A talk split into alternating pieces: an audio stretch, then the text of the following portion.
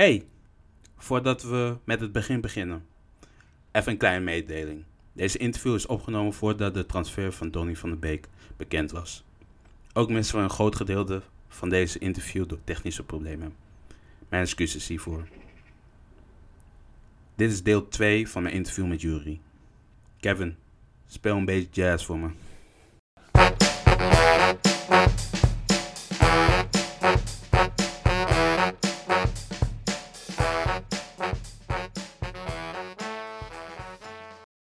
Zullen we weer naar huis gaan? Zullen we, zullen we maar weer naar huis gaan? Ajax. Ajax. De thuiswedstrijd. Amsterdam. Yo, heb je dat, die ehm, welkom gezien van Anthony? Anthony, ja. Mooi man. Ja. Video met Neres rappen. Hey, verhoog de salaris van die mediateam. Ja, ik, weet niet, ik weet niet wat jullie Dat doen. wil ik wel even zeggen. Verdubbelen die salaris van die Ik heb ze mediateam. gezien. De laatste, sinds denk ik 2017. Het Ja. mediateam van Ajax is zo ongelooflijk goed bezig. Hoeveel volgers ze nu hebben op Instagram. It's... Ik, ik weet niet. Even Ik, kijken. ik, dacht, ik dacht dat eh, alleen die spelers in de Champions League on fire waren. Die mediateam heeft ook een Ajax mother- mediateam is geweldig. heeft verdriedubbeld hun salaris. 5,1 miljoen volgers al. Ja, dat Voor een, voor een Dat Nederlands staat team. nergens op. Dat staat echt nergens Nee. op. En dat is van de afgelopen twee jaar, hè? Echt. Want volgens mij waren ze, ehm 2018 waren ze net bij een miljoen gekomen. Ja, ja. Nee, maar die, zijn dat- zo dat- goed bezig, die- man, dat die- mediateam. Hey, dat staat nergens op, man. Mhm. Dat team, het, het voelt Dus alsof... mediateam. Eh, applaus, man. applaus. We gooien applaus op alles tegenwoordig. Maar echt, die mediateam... Oké, Ja, als jullie nog eh. mensen zoeken. Je. Eh, Hashtag Dennis, knip dit uit, man. We willen dit horen, maar fuck jou. nee, maar Anthony ook zelf houden. Ik Ah. vind het zo'n geweldige speler. Eh, Kijk, zullen we Ik heb hem nu even... een paar keer zien spelen. Ah. Ik heb ook beelden van hem gezien voordat hij naar Ajax kwam. Ah. Want ze wouden hem aan in 2017, hè? Ja, ik heb die Toulon-wedstrijd... eh Toulon eh, hebben ze onder de 23 slash onder de 20... hebben zij altijd toernooien. Ik bedoel die Challenge Cup die hij in Japan heeft gedaan. Met... Nee, dat is de andere. Deze Ah, is in Toulouse altijd. Ah, in Toulouse. Toulouse. Hebben ze standaard eigenlijk ieder jaar hebben ze onder Mhm. de 20. En dit zijn vaak niet de grootste talenten. Maar dit zijn net die talenten weet je wel, ja. Mhm. eronder, weet je. Dat is de... Als jij bijvoorbeeld een Neymar en zo hebben daar niet gespeeld. Ja. Maar een Coutinho wel. Bij wijze van spreken. Zulke sp- eh, Precies, spelers. En die gaan daar naartoe en daar spelen ze die zomer. En daar staat hij ook bij. Ook een paar keer een versnelling dat ik dacht Mhm. van... Oh, Dat is mooi Oh. van hem. hè. Kijk, hij is snel, maar hij is niet de snelste. ja, ja. Maar hij heeft een geweldige versnelling. Hij heeft de zo eerste snel meters, weet je wel. En dan met die techniek die hij heeft in zijn benen houden. Oh, ja, hij dat in combinatie met die versnelling is zo gevaarlijk. Oh, En het mooie van hem is, ik vind dat hij ook juist heel veel overzicht heeft. Want hij is juist de man die ook vaak de assist na de assist geeft, weet je. Ja, ja. De key pass. Ja, precies, de key passes. Dat is ook vaak de man die dat doet. Ik heb een paar van de oefenwedstrijden gezien. Heb, ik- heb ik een paar keer bezig gezien. Ja, hij is... eh, ik is denk wel- echt, dat wordt de sensatie van Ajax dit jaar. Oeh, ik... Ik, eh, ik zeg hem bij deze, Anthony wordt de sensatie van Ajax dit jaar. En ik disagree daarmee. Bij mij wordt het Mohamed Kudus. Die gast... Ah, wat een linker fucking poot heeft hij al, hè. en hij, hij, hij- je ziet hem al... Hoe hij draait, hij draait Hoe zo hij lekker draait. weg en zo. precies. Alleen, ik heb één twijfelding nog bij Kudus. Ja. Dat is nog misschien zijn beslissingen soms. Ja, En zijn concentratie, zeg maar. Van, want ook tegen Wolfsburger had hij ook eh, een paar... een paar keer van dat hij de bal heel makkelijk inlevert en dan meteen een counter erachter. Ja, maar ik, door ik denk... eh, tegen Wolfsburg speelde hij ook meer op... Berger. Wolfsberger. dat hij daar niet helemaal. Hij is geen 8. Ik denk dat hij een 10 is. Ja, hij is, ik, zo heb ik hem ook meer in mijn hoofd, want het is echt een spelmaker. 10. Weet je Ik wel. denk echt dat hij, ja, als hij komt, wordt hij de vervanger van. Ja, eh, ik zie van hem een Beek. beetje als een dribbelaar slash spelmaker. Ja, ik ook. Maar zullen we even over, heel snel over die transfers hebben? Deze hele coronaperiode. Als je een miskoop maakt voor een groot bedrag op dit moment, mensen gaan je afmaken. Yep. Ze gaan je echt afmaken. Yep. En ik Geen Coutinho's meer. en Geen, eh, weet je wel? Geen Ze gaan je meer. afmaken. Echt, helemaal. En ik heb een beetje bij Van der Beek. Als Van der Beek niet meteen on fire begint te voetballen, Ja. Gaan heel veel mensen hem heel snel zien als miskoop. Denk het ook inderdaad. Want het, weet je wat Hij het is is? Het is geen speler met, laten we zeggen, die echt ziet acties maken, dit en Ja. dat. Maar die doet heel veel op het veld. Dat, Ja. dat vind ik mooi van Van de Beek. Die is overal bij. Die zie je eerst in de 16 om aan te vallen, om deel te zijn van de combinatie. Dan een minuut later zie je hem in zijn eigen 16 om de bal weg te werken. Ja, hij is, hij, is, hij is de hele tijd bezig. De hele tijd is Mhm. hij bezig. Maar dat Ajax-team, eh, dus Van de Beek is... Ik denk, als je moest kiezen van wie van nummer 1, van tussen Onana, Van de Beek en Tagliafico weggaat, wie, wie denk je dat het het snelst weggaat? Als eerst. Um, Tagliafico. Ik denk dat Tagliafico ook gaat. Omdat het ook, denk ik, de goedkoopste is van de drie. Ik denk Weet je? En het is gewoon een geweldige back. Hij, hij is wat ouder. Kijk, Onana en Van 27. de Beek zijn natuurlijk ook meer waard. Ja. Omdat ze nog veel meer jaren erin hebben. Mhm. En Tagliafico kan je in principe, man. Hoe, hoeveel wil- wilden ze voor- ervoor hebben voor Tagliafico? 25. 25 miljoen voor een back als Tagliafico, man. Ik Koop zeg, je. Ik zeg je eerlijk, ik denk dat Tagliafico als een club heeft gekozen. Ik denk dat we pas... Ik weet niet wanneer ik deze podcast ga uitbrengen, maar ik denk dat het bijna uitkomt dat hij gewoon naar eh, Leicester City gaat. Naar Leicester. Ik denk dat hij naar Leicester gaat. Het Oh, is, interessant voor- eh, interessante club voor hem. Ik denk dat het bijna... Die hebben de Chilwell verkocht en eh, ik denk dat zij toch voor Tagliafico gaan, omdat hij A, zo goedkoop is... En hij heeft zich gewoon al, eh, gewoon al bewezen op hoog niveau, weet je wel. In de Champions League. Altijd gewoon een van de jongens geweest, de sterkhouders van Ajax. Misschien de belangrijkste voetballer die wij niet kunnen vervangen als hij weggaat. Onana. Ja, en, Ik eh, vind Onana vind ik misschien wel de belangrijkste speler voor Ajax. Oeh, Ik ben zo'n groot fan van Onana. hot take. Ik ben zo'n groot fan van Onana. Ik vind, ik vind het een geweldige keeper. Hij is ook een geweldige keeper. Hij is echt... Is hij de beste voetballer die Ajax heeft gehad sinds Luis Suarez? Hmm. Qua, Even dus... kijken, wie hebben allemaal... Dus Ja. laat ik het uitleggen. Laat ik het uitleggen, want anders komt het helemaal crazy over. ik denk dat Onana een top 6 keeper is van Ben de wereld. Ben ik mens. Van de Ben ik wereld. eens. Ik vind hem geweldig. En andere mensen zouden zeggen, oh ja, uh, Frenkie de Jong, et cetera. Bij Frenkie de Jong heb ik andere sp- spelers. En dan heb ik iemand zoals Modric. Op dit moment kan je niet zeggen dat... Kijk, ik, ik kan niet zeggen dat Frenkie Jong, de Jong op dit moment top 6 middenvelders is. Ja, ja. Vooral gebaseerd op het afgelopen seizoen. Ik denk wel dat hij dat kan worden. ja. Maar het niveau dat Onana aantikt... We, we hebben het te weinig over. Er zijn een paar voetballers daar we te weinig over hebben. Eentje is Onana, Ja. andere is Blind. Omdat het een keeper is, weet je wel. Ja, Want uiteindelijk van, oh, het is een keeper. Maar die gozer heeft ons zo vaak gered.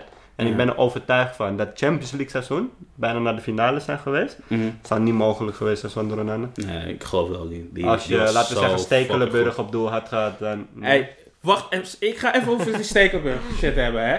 En ik, oh, ik werd zo boos op fucking Van der Vaart, hè. Weer van de vaart. Hey, Van Ja, der Vaart, hij, hè. zit, hij zit hier met een Arsenal. Eh, shirt, dus eh, van der Vaart, hè. We echt. moeten even uh, Ibrahimovic roepen. Oh mijn, Van der Vaart.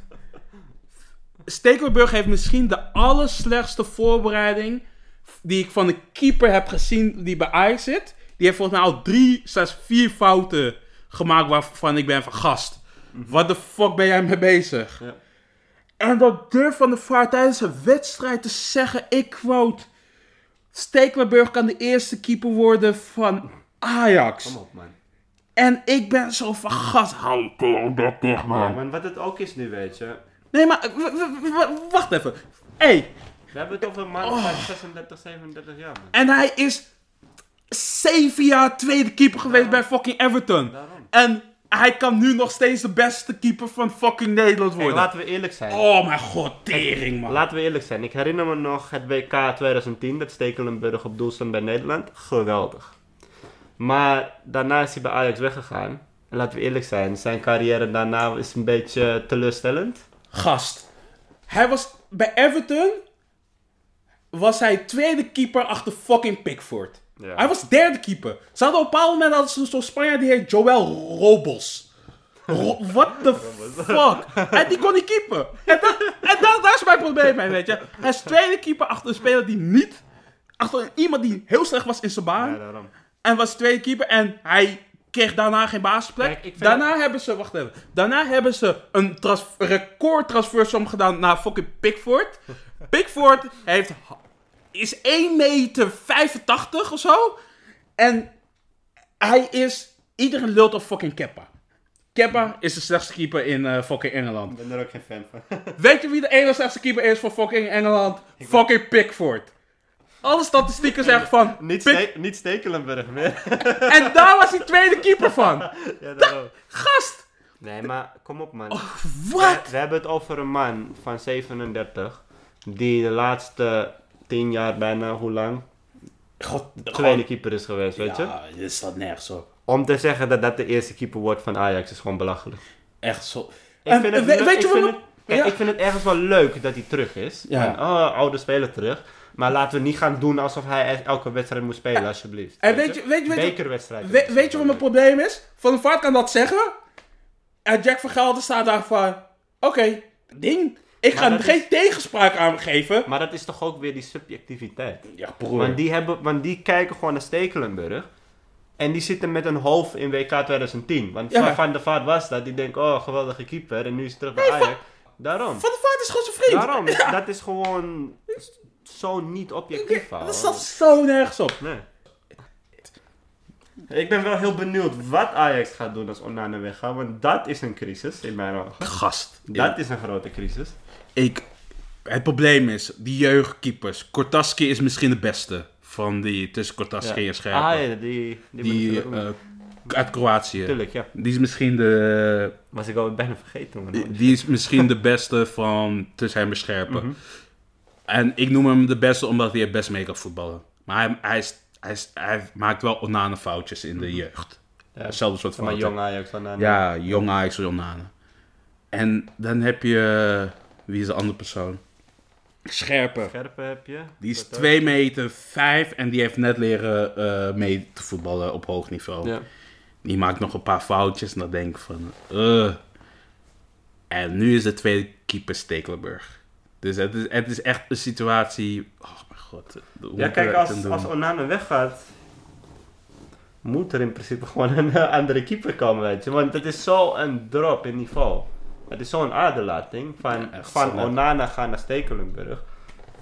En ik vind vooral voor bij Onana... En ik zie altijd zie ik die Afrikaanse voetballers die bij Ajax komen. Die zeggen altijd... Hey, Onana, eh, die helpt me echt. Yo, Onana, is zo'n fucking chill persoon, Echt. Ik hoor hem altijd. de- Bijvoorbeeld die Osimhen, die eh, van Lille naar Napoli ging. Toen ze, eh, ze tegen Ajax speelden.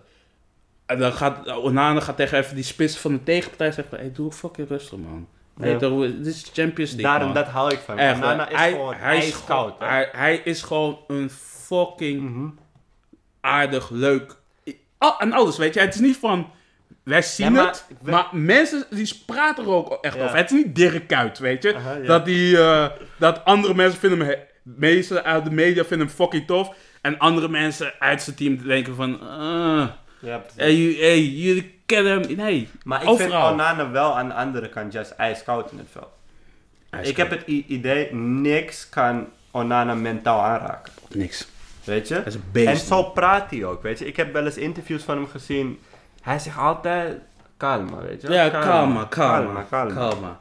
Te- Hij is ook gewoon aan. rustig. Ja, rustig aan. Zo is hij als persoon. Daarom is het zo een fijn persoon om in de kleedkamer te hebben en gewoon erbij te hebben, weet je. Echt, lijkt me. Geweldige keeper. Ik zou ook zo graag met hem willen voetballen. Ja, precies. weet je, als dat de keeper was, ja? Heb je dat filmpje gezien dat Ajax had gemaakt dat hij ehm, in Cameroen was? Ja, Een ja. mooi filmpje, man. Ja, het is echt Dat hij zijn laat zien. Ja, man. Aanrader op de Ajax eh, Ja. YouTube.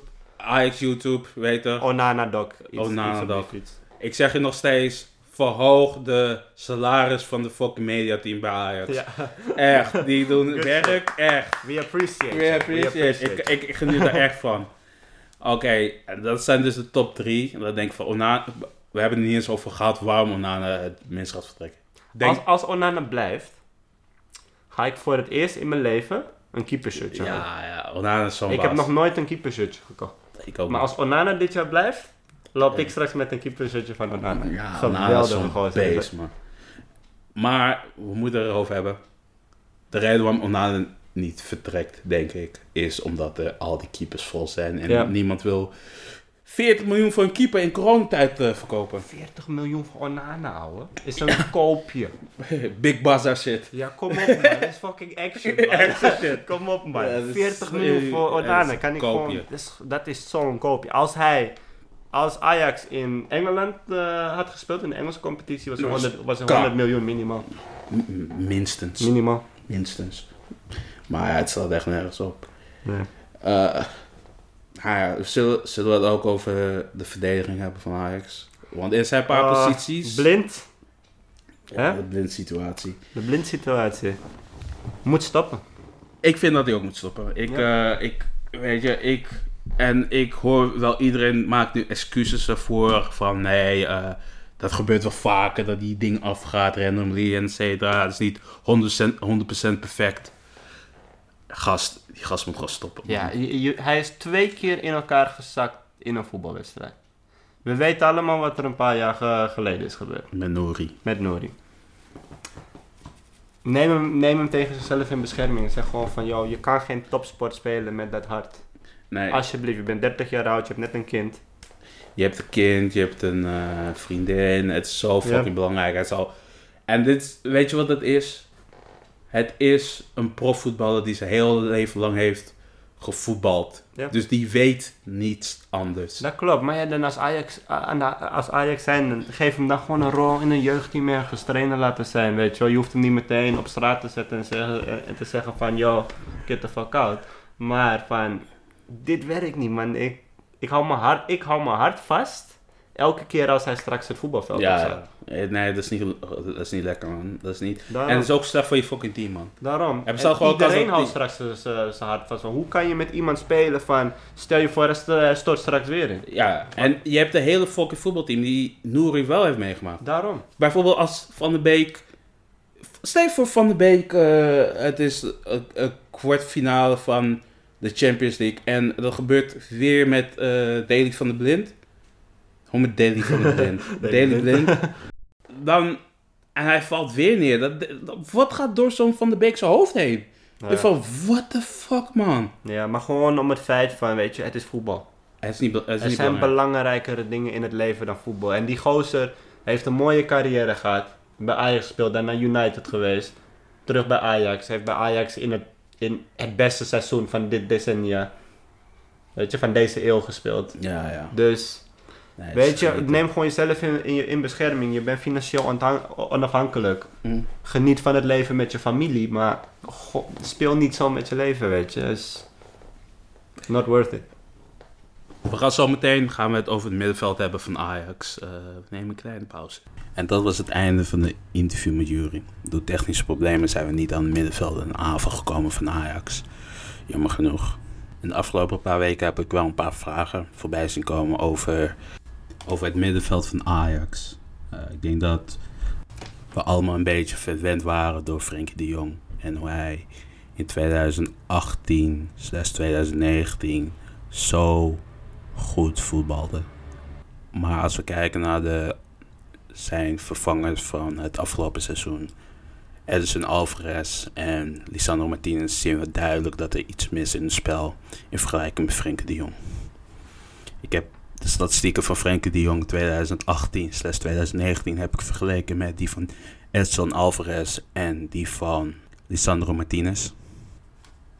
Ik vind dat je als Ajax nummer 6 een van de allermoeilijkste posities in de eredivisie een heel compleet spel moet hebben. Je moet uitblinken in eh, verdedigende statistieken, in eh basisstatistieken, want als nummer 6 is het heel belangrijk om geen balverlies te rijden voor de verdediging. En je moet toch bezig zijn om, ook al is het weinig, toch een paar kansen te creëren van die nummer 6 positie, vooral in zo'n afvallende ploeg. Als ik kijk naar Frenkie de Jong's statistieken 2018-2019, zien wij dat hij uitblinkt in bijna alles. Hij maakte ongeveer 1,9 tackles per wedstrijd, 1,48 intercepties En daarmee steeg hij uit in vergelijking met, met de allerbeste voetballers. Want hij combineerde die cijfers, die 1,9, dus 1,48. Dat zijn bovengemiddelde statistieken voor een verdedigende middenvelder in een aanvallende ploeg. Combineerde hij met zijn passingstatistiek 90,6%. Hij maakte maar liefst 77,8 bases per wedstrijd. Dat zie je echt alleen in de top van de wereld. Dat zie je echt alleen bij de Busquets van de wereld. Dat die zulke hoge gemiddeldes krijgt. Maar wat helemaal bijzonder was aan Frenkie de Jong. Hij combineerde met 1,8 trippels per wedstrijd als een verdedigende middenvelder. Dat zie je bijna nergens. Dat zie je bijna nergens. Dat zijn echt. Dat zijn statistieken die tegenwoordig, als we kijken naar de nummer 6 van de wereld, zoals de Rodri's, uh, de Kante's, deze statistieken komen zij niet in de buurt van. En als je op alle statistieken ter wereld kijkt, Braziliaanse competitie, de Engelse competitie, de Franse competitie, zie je maar weinig spelers die zulke hoge dribbelstatistieken hebben. Als je eigenlijk vergelijkt met de nummer 6 positie van vorig jaar, daar speelden voornamelijk Edson Alvarez en Lisandro Martinez mee. Als we kijken naar Edson Alvarez, die maakte 1,5 tackles per wedstrijd. Dat is 0,4 lager dan Frenkie de Jong. 1,3 intercepties. Dat komt in de buurt van Frenkie de Jong. 89,6% keurigheid. Dat is een statistiek die mij redelijk verbaast over Edson Alvarez. En ik denk ook dat is de reden waarom Erik ten Hag hem op het middenveld wil hebben. Hij verliest niet veel ballen. Hij is wel duidelijk in de passing. Maar iets wat je ook voelt als je de wedstrijd ziet eigenlijk met Elton Alvarez is de aantal passes die hij maakt. Dat is 35,8. Dat is veel te laag voor een verdedigende middenvelder bij Ajax. Die voornamelijk moet helpen met de opbouw. Hij komt vaak tussen de twee centrale verdedigers. Simpelweg, alleen als je dat doet, moet je al op 20 passes kunnen komen. Want zijn passes gaan alleen maar naar de zijkanten. Dat zie je in de wedstrijd, maar dat zie je ook in de statistieken terug. Hij maakt ongeveer 0,4 key passes. In vergelijking, Frenkie de Jong maakte in zijn seizoen vier keer zoveel passes per wedstrijd. Terwijl Frenkie de Jong helemaal niet bekend staat vanwege zijn assisten, kwaliteit. Maar je kan zien, ook al maakt hij zoveel passes, dat door de key zie je dat hij zoveel mogelijk naar voren probeert te passen als een nummer 6. Edson Alvarez viel extreem tegen aan de bal. Dat zie je ook in zijn aantal dribbles. Hij maakte 0,6 dribbles. Dat is drie keer zo minder als Frenkie de Jong. Als ze nummer 6 zijn, vind ik dat eigenlijk niet kunnen bij Ajax tegenwoordig. Maar wij verwachten tegenwoordig in het voetbal met alle druk zetten dat een verdediger middenvelder tenminste één man voorbij kan komen om de vrije ruimte voor zich te zien en dan misschien een paas te kunnen geven. Daarom betaalt een Manchester City bijvoorbeeld 70 miljoen voor een Rodri. Heel weinig de bal kwijt, maar hij kan ook vaak gewoon één man voorbij. En dat is genoeg. En ik denk dat je dat ook terugzag in de problemen bij Ajax voor seizoen. Toen ploegen ze heel extreem onder druk zetten met Alvarez op het middenveld. Hij verloor de bal niet echt, maar hij paaste altijd terug. Zodat de tegenstander altijd drukker op kon zetten. Een andere persoon die uh, veel op de verdedigende middenvelden heeft gespeeld en in mijn ogen ook duidelijk een betere nummer 6 is, is Lisandro Martinez. Als we kijken naar de aantal tackles per wedstrijd in vergelijking met de Jong in 2018-2019 zien we dat ze hetzelfde aantal tackles hadden. Lisandro Martinez had zelfs meer intercepties. Zijn passingnakeurigheid was jammer genoeg veel minder. Maar je kon zien tijdens het spel dat hij veel meer bezig was met het aantal passes. Hij kwam ongeveer 70 keer maakte hij een paas naar de verdediging. Je dat, dat is bijna de dubbelde van Edson Alvarez. En ik vind dat zo belangrijk als een nummer 6 zijnde. Zijn aantal passes was jammer genoeg veel lager dan Frenkie de Jongs. Uh, Frenkie de Jongs had 1,32, Lisandro Martinez had 0,6. En daar zie je ook het probleem met Ajax. De nummer 6 moet de bal vooruit spelen. Hij moet meehelpen aan de kansen creëren. En sinds wij Frenkie de Jong zijn verloren, dan zie je gewoon dat ze de bal niet goed genoeg vooruit gaat vanaf de verdedigende middenvelderpositie. Lisandro Martinez had een statistiek die mij best wel opviel. Hij maakt ongeveer 1,3 dribbles per wedstrijd als een verdedigende middenvelder. Dat doen niet heel veel verdedigende middenvelders. Maar hierin zie je ook dat hij nog steeds zo ver achterloopt op Frenkie de Jong. Ik denk dat Ajax op die zes positie aan het einde van het seizoen een andere persoon krijgt.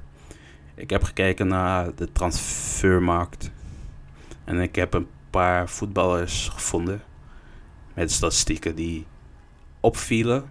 En misschien wel uh, hetzelfde voetbal in Amsterdam kan terugbrengen als Frenkie de Jong dat deed op de zes positie. Ik heb me hier voornamelijk gefocust in Zuid-Amerika. Daar heb ik twee spelers gevonden die ik me heel erg interessant lijken om hetzelfde voetbal te kunnen brengen als Frenkie de Jong dat deed uh, bij Ajax destijds. Eentje is Matthias Henrique. Dat is een redelijke bekende voetballer onder de extreme Ajax-volgers op het internet. Maar als je naar zijn statistiek kijkt, dan zie je ook meteen hoe dat in elkaar zit. Matthias Henrique had e- als verdedigende middenvelder voor Gremio had hij ongeveer 1,6 tackles per wedstrijd, 1 intercepties.